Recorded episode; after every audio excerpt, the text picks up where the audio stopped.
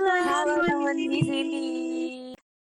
Selamat datang di podcast di sini bersama kami aku Resti. Yeay, aku Ajeng. Uh, kangen gak sih Jeng? Ya ampun. Tag podcast lagi. Iya, akhirnya ya kita ada podcast lagi. Dan ini tuh sebenarnya kita hari ini mau ngelanjutin ini ya, Res. Podcast yang dua minggu lalu tayang. Iya, di dua minggu lalu itu kita bahas tentang temen. Terus di akhir itu bahasnya teman jadi demen. Masih ingat gak sih teman di sini? Eh, Semoga masih pada inget ya. Kalau emang lupa-lupa bisa didengerin lagi dong podcastnya. Sama kalau belum denger ya silakan didengerin lagi ya. Oke. Kalau ngomongin demen-demenan itu tuh biasanya nggak akan jauh-jauh dari cinta-cintaan. Ya nggak sih? Terus kalau misalnya cinta-cintaan pasti nggak jauh dari istilah yang namanya bucin. Pernah denger nggak sih, Jeng? Ya ampun, itu sampai bosen deh. Kadang tuh suka scrolling IG, Twitter gitu isinya bucin, bucin, bucin. Mau gimana juga bucin. Eh tapi bucin tuh apa sih? Kayaknya kok jadi banyak ya orang bilang bucin. Iya, jadi sebenarnya bucin tuh kalau dalam istilah psikologi tuh nggak ada bucin ya. Kayak itu tuh ya emang istilah populer aja. Dan sebenarnya tuh panjangannya tuh bisa beda-beda tau. Ada yang panjangannya budak cinta, ada yang panjangannya butuh cinta, ada yang panjangannya bukti cinta. Jadi ya tergantung dari orangnya itu mau mau manjangin jadi apa. Oh gitu. Soalnya aku tuh taunya cuman bucin itu budak cinta. Pantesan. Kadang tuh suka kayak kok budak cinta tapi kok gini gitu di fotonya atau misalkan isi kontennya kok gini gitu. Jadi bingung. Ternyata banyak ya teman-teman singkatannya itu. Mm-mm, banyak banget. Kalau misalnya teman di sini ada yang punya singkatan lain, boleh drop di DM Instagramnya psikologi di sini. Biar nanti kita eh, ngobrol lagi. Kayak emang bucin tuh selain butuh budak sama bukti, kira-kira apa lagi sih? Iya bener-bener banget, bener banget. Nanti siapa tahu bisa kita bahas lagi juga ya, Res. Mm-mm, benar banget. Oke, oke, oke, oke. Eh, tapi kalau misalkan gitu, sebenarnya kan di psikologi sendiri tadi termnya bucin itu nggak ada ya, Res. Tapi tuh yang ada itu adalah teori tentang triangular of love deh, seingat aku. Yang mana tuh? Teorinya Steinberg yang ada tiga komponen cinta. Hmm, Ingat nggak? lupa-lupa ingat. Coba deh. Apa ya? Oke, oke, oke, oke. Ya udah, langsung aja yuk kita bahas. Oke. Hari ini kita akan bahas tiga komponen cinta dari Steinberg di teori Triangular of Love. Tapi kita hari ini gak mau ah kalau bawa-bawa teori kaku-kaku banget. Nanti mungkin kita bisa ngobrolnya lebih eh, ke contoh-contoh langsung gitu ya, Res. Hmm, hmm, hmm. Setuju. Eh, perlu dinot juga ya bahwa eh, cinta ini tuh tidak hanya sebatas cinta kepada pasangan aja, tapi bisa jadi cinta kepada sahabat, cinta kepada orang tua, dan eh, masih banyak lagi yang lainnya gitu. Nah, yang pertama itu ada namanya intimacy. Intimacy itu lebih ke elemen emosional, kayak kedekatan kita dengan teman kita, dengan sahabat, atau dengan pasangan kita, kemudian adanya kehangatan dalam suatu hubungan, dan adanya kepercayaan satu sama lain. Nah, yang kedua itu ada passion. Kalau passion ini tuh lebih ke motivasi. Motivasi dari hubungan itu apa sih gitu? Eh, Motivasi dari seseorang suka atau cinta ke orang lain itu apa? Bisa jadi itu adalah ketertarikan fisik atau juga adanya gairah seksual seperti itu. Dan sering Nah. banget gak sih kalau misalnya si passion ini tuh dibilangnya love at the first sight. Iya, betul banget. Karena kan kita bisa jadi ya, bisa jadi saat pertama kali ketemu kita tuh langsung bisa Jatuh cinta. Mm, gue suka sama dia. Padahal ya gitu. kenal juga belum, deket juga belum, ya gak sih? Iya, benar benar benar benar benar. Nah, ini contoh dari passion. Oke, lanjut. Selanjutnya yang ketiga itu ada komitmen.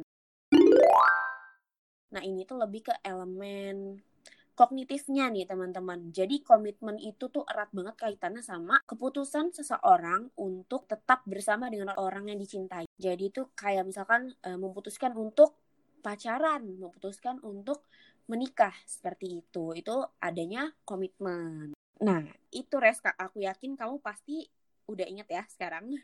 Nah, iya, iya, iya. Tapi, tapi, Jeng, Heeh. eh kalau tadi disebutin kan sebenarnya kalau cinta ini tuh nggak hanya dengan pasangan, tapi kan bisa juga dengan orang tua, bisa juga dengan temen ya.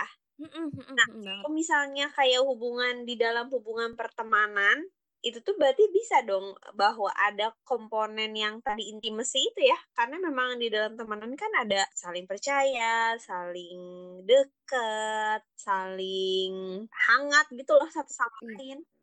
Uh, iya bener banget. Jadi memang kalau di pertemanan tuh uh, kedekatannya tuh lebih tinggi gitu ya dibandingin dengan komponen cinta yang lainnya. Jadi emang dominan banget nih kedekatan kita, terus kehangatan kita sama teman kita, terus kayak kepercayaan satu sama lain kan sering tuh kalau kita sahabatan gitu ya, ada curhatnya, ada main barengnya, ada percayanya, gitu-gitu kan, Res. Iya dan ngomongin soal teman tuh kita udah bahas di episode dua minggu lalu, jadi bisa dicek it out. Yap, betul betul betul banget aku mau tanya deh. Mm -hmm. Jadi tuh kalau misalnya nih orang yang dijodohin kayak Siti Nurbaya gitu, aduh teman di sini pada tahu nggak Siti Nurbaya? loh untuk untuk dipaksa nikah karena dijodohkan itu menurut kamu gimana tuh? Iya, sebelumnya semoga teman-teman di sini tahu ya. Tapi ini kayaknya terkenal banget sih si Siti Nurbaya ini. Jadi intinya sih dulu dia dijodohin gitu sama orang tuanya. Padahal cowoknya dia nggak suka gitu. Nah, eh, di sini itu dalam hubungannya Siti Nurbaya, dia menikah, terus udah gitu eh, berarti emang yang dominan dalam hubungan mereka itu adalah komitmennya. Hmm. Jadi belum hmm. ada tuh perkembangan di kedekatannya secara emosional kepercayaannya itu belum ada dan uh, belum berkembang gitu ya res. Dan juga si passionnya kayaknya kalau dari sisi Siti Nurbaya sih dia lebih ke tidak tertarik juga ya. Bisa juga sih. Tapi sebenarnya dari yang dijodohin gitu lama-lama bisa juga ya terbangun si kedekatannya terus uh, ketertarikannya juga sama pasangan. Ya mungkin hanya butuh waktu aja kali ya Iya, iya, iya bener. Kayak misalkan gini juga sih, bisa jadi nih Res. Ada nih waktu itu aku pernah denger. Jadi dia itu baru ketemu. Tapi karena emang udah apa ya pengennya serius gitu hubungannya jadi pas ketemu terus dia emang sih dia udah tertarik gitu ya oh ya kayak bisa disuka sama dia gitu e, tertarik nih secara fisik juga sama dia nah jadi mereka tuh langsung nih akhirnya segera berkomitmen seperti itu menuju ke pernikahan. Dan itu possible banget ya buat terjadi gitu. Cukup banyak sih yang kejadiannya gini.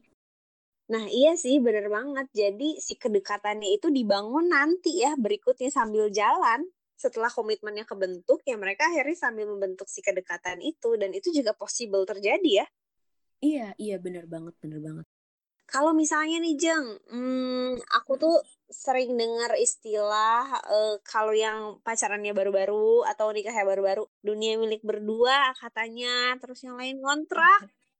Tapi kebayang ya kalau iya, misalnya iya. orang yang baru pacaran gitu tuh kayak lagi menggebu-gebu banget ya, lagi deket sama pasangannya, terus kayak pengen berduaan mulu, pengen deketan mulu, dan itu juga emang beneran ada ya, dan itu tuh wajar banget kan?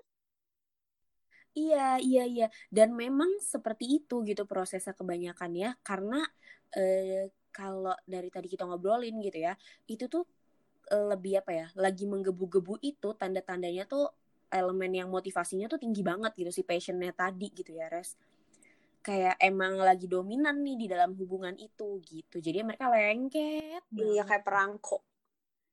Biasanya iya. tuh ini di enam bulan ya enam bulan sampai satu setengah tahun tuh masih menggebu-gebu banget. Ini tuh tipe-tipe apa ya tipe-tipe yang ditemuin di pasangan-pasangan baru ya? Mm -mm.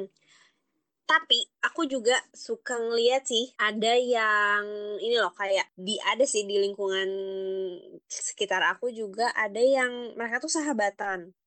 Terus sahabatnya tuh sakit. Terus si sahabatnya tuh bener-bener kayak ngebantuin banget nemenin ke rumah sakit terus ngurusin sampai uh, bisa sembuh itu tuh kayaknya udah lebih lagi dari sahabat ya gak sih karena sampai bener-bener ngebantuin gitu loh Iya iya iya iya ada juga tuh bentuk uh, hubungan yang seperti itu gitu ya emang dan biasanya sih uh, ini tuh ada di persahabatannya orang yang udah dewasa mm -hmm. gitu ya guys.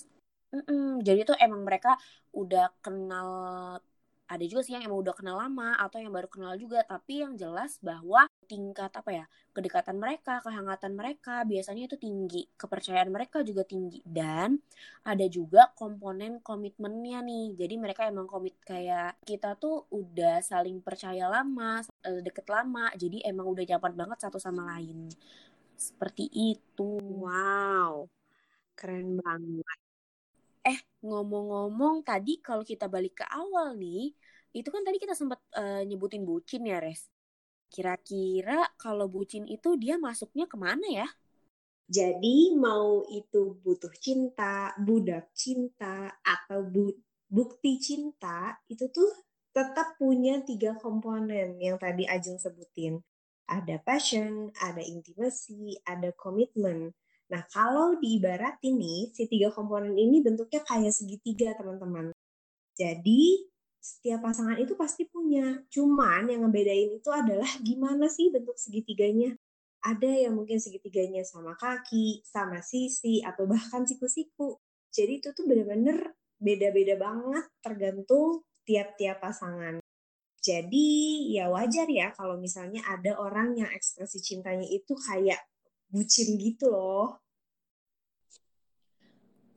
Oh iya iya iya iya iya iya setuju sih bener-bener bener-bener. Jadi emang balik lagi ya ke orang-orang masing-masing bentuk hubungan mereka itu seperti apa. Betul. Dan juga mm -mm, dan juga siapa tahu emang pastinya nih setiap hubungan kan unik dan siapa tahu orang itu justru malah lebih nyaman ya kalau misalkan ada komponen komitmennya itu lebih rendah nih dibanding yang lainnya atau justru sebaliknya komponen komitmen yang harus lebih tinggi atau misalkan tadi kedekatannya harus dominan semua gitu. Itu sih sebenarnya balik lagi ke masing-masing pasangannya ya? Iya setuju banget. Jadi kayaknya karena nih teman-teman kan udah dapat sedikit gambaran nih sebenarnya tentang komponen-komponen cinta. Jadi kayaknya hmm, bisa sedikit bisa teredukasi juga ya dan bisa lebih menghargai sebenarnya bagaimana orang-orang itu bisa mengekspresikan cinta.